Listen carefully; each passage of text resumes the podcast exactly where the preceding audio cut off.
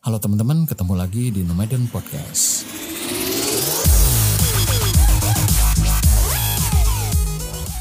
Podcast kecil-kecilan yang membahas hal-hal kecil di sekitar kita yang mungkin memiliki arti lebih dari apa yang sekedar kita tahu. Halo teman-teman, semoga sehat selalu. Kalau lo baca judul episode kali ini, enggak, ini bukan promosi tentang aplikasi itu ya. Apalagi ngedukung MLM ilegal yang ada sangkut pautnya tentang itu, enggak. Episode ini enggak ada afiliasi apa pun sama TikTok. Ini lebih membahas insight fitur TikTok yang mungkin mengencourage lo sebagai content creator dan bisa menjangkau lebih banyak audiens dengan menambah coverage konten lo di sini. Oke, setelah sebelumnya kita membahas tentang algoritma TikTok yang mungkin bisa jadi basic insight untuk kemudian mempelajari lebih lanjut uh, buat berbagai kebutuhan, terutama jalanin campaign sosmed. Kali ini kita akan membahas user experience dari sisi kreatornya nih. Nah, kalau kemarin kita sempat bahas tentang adanya kemiripan algoritma interaksi pengguna di TikTok sama YouTube, pada sisi fitur editing kontennya jauh berbeda. Fitur editing yang gue maksud ini adalah apa yang sering kita temui di Instagram Stories gitu ya, FB Stories, dan yang paling minim fitur editing itu ya flitnya Twitter ya. Agak mirip sama minimnya fitur di WhatsApp Story. Nah di TikTok, fitur editing yang kayak gitu tuh justru diterapin buat bikin konten utamanya. Gitu namun dengan gimmick yang lebih luas. Gitu. Inilah yang bikin interaksi antar pengguna di TikTok ini jadi bisa lebih dinamis. Karena setiap konten di TikTok bukan cuma bisa sekedar lo like dan komen doang gitu.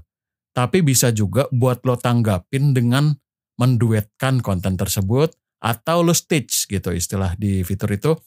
Juga elemen konten yang bisa digunain kembali oleh kreator lain.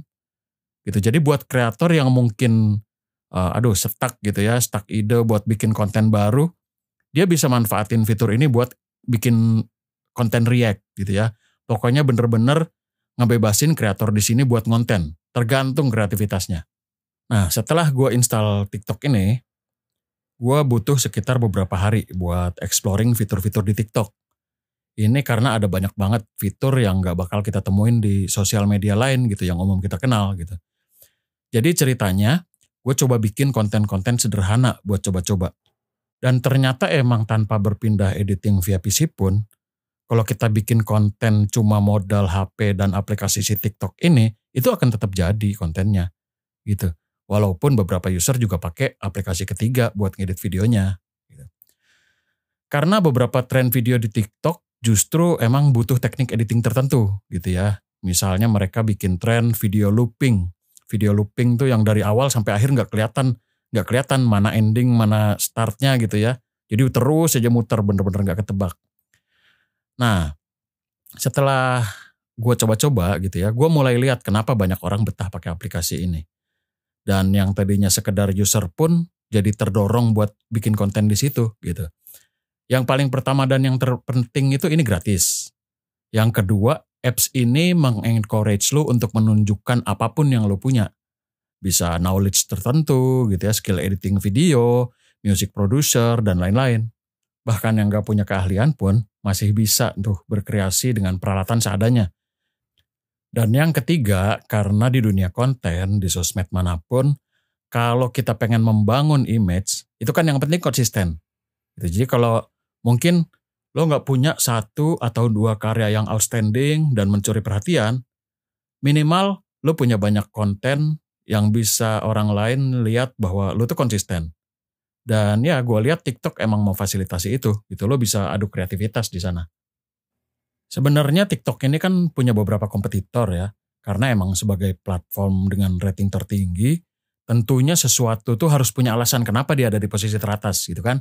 Nah, TikTok ini punya fitur yang ditawarin buat dieksplor secara luas gitu ya ke penggunanya. Ngalahin aplikasi lain yang paling cuma punya satu dua fitur yang dimiliki TikTok gitu. Jadi ini kayak perlombaan. Berlomba mencuri hati para kreator. Ya kayak aku dan dia yang berlomba berusaha mencuri hati kamu gitu. Oh. Seperti yang pernah gue bilang di episode lalu, emang awalnya gue gak tertarik sama sekali sama TikTok ini. Walaupun gue sempat terbawa opini umum kalau TikTok ini aplikasi alay, tapi ya biasa aja sih gitu ya. Cuma gak tertarik aja emang. Karena emang branding yang melekat di gue ya sama, TikTok ini tempatnya joget. Dan karena karena emang gue belum install, jadi gue belum tahu banyak. Nah waktu itu ada mantan klien ya sekitar tahun lalu yang nanya, gue bisa bantu create konten di sana nggak gitu. Ya gue jawab, waduh saya belum sempat nyoba aplikasinya bu gitu. Dan beberapa waktu setelah itu pun gue masih belum install gitu ya. Sama lah kira-kira sama orang yang terbiasa di sosmed tertentu, terus diajak main-main ke sosmed tetangga gitu ya. Terus belum tertarik karena belum terlalu ngerti. Nah, sampai akhirnya waktu itu gue lihat ada drama ribut-ribut nih tentang seorang kreator TikTok uh, yang juga guru les bahasa Inggris di kampung Inggris dikomplain sama kreator lain gitu ya. Uh, kalau nggak salah dari segi tata bahasa atau uh, etiknya gue agak sedikit lupa gue nyimaknya tadinya di Twitter gitu ya. Terus karena penasaran kelanjutannya ya gue bukalah TikTok di browser nih. Waktu itu gue belum punya aku belum punya akun nih. Waktu itu gue belum join. Sampai akhirnya gue lumayan sering ngop, ngepoin kontennya Lord Abdul ini buka lewat browser doang gitu ya. Uh, kayaknya mungkin bahkan dia akun yang gue follow pertama di waktu gue join gitu ya. Karena emang gue suka gitu kontennya edukatif juga menurut gue gitu ya. Walaupun mungkin bagi sebagian hatersnya pembawaan dia kayak sengak gitu kan. ya padahal nggak juga sih, biasa aja gitu ya. Nah setelah gue install apps-nya, gue join, baru deh lumayan banyak akun-akun yang gue follow. Kebanyakan yang kontennya insight-insight atau konten-konten edukatif. Nah setelah install dan explore apps-nya, gue baru ngeh kalau fitur dia ini emang rich banget. Ini yang bakal menjawab kenapa kreator video bisa betah di situ. Karena kalau bikin di YouTube, setupnya mungkin masih modal lumayan gitu ya durasi video pun kayaknya nggak enak kalau sebentar. Uh, terus belum PC buat ngeditnya dan lain-lain dan lain-lain gitu ya. Di TikTok mereka merasa terjembatani gitu karena lo bisa bikin konten video kreatif dengan durasi yang cukup, nggak terlalu panjang, bahkan yang pendek cuma 15 detik pun bisa gitu ya. Tanpa butuh gear dan peralatan mumpuni lain gitu ya. Bahkan lo bermodal HP kentang pun bisa jadi konten gitu ya. Dan lo gak bakal nyangka juga konten lo bakal viral suatu hari kelak. Karena bisa jadi videonya yang viral. Atau audio yang ada di video lo yang akhirnya banyak dipakai ulang sama orang.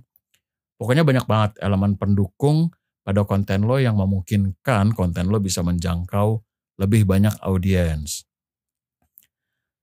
Oke, itu sekedar insight ringan gue tentang TikTok. Kembali lagi, sosial media itu nyaman-nyamannya pengguna ya dengan didesain untuk ngikutin preferensi personal, sebuah sosial media di ujung jari itu bisa jadi apa pun gitu ya. Nah buat orang-orang marketing nih, TikTok nih kayaknya bisa banget jadi lahan buat nambah eksposur produk lo gitu ya. Karena banyak banget orang yang promosiin kedai kopinya gitu ya, jualan produk-produk tertentu, langsung hard selling gitu. Tapi dengan karena dengan konten kreatif, jadi caranya nggak ngeselin dan smooth gitu ya, menarik banget buat disimak sampai terakhir ujung-ujungnya ternyata dia jualan akhirnya bikin nggak ketebak gitu ya pokoknya kontennya kocak gitu jadi nggak ngeselin kita jadi nyimak gitu ya akhirnya kreatif banget sih oke deh segitu dulu kita ngobrol-ngobrol dan diskusinya Thank you banget udah mampir di Nomadin Podcast. Gue Indra pamit undur diri dan kita ketemu lagi di episode selanjutnya.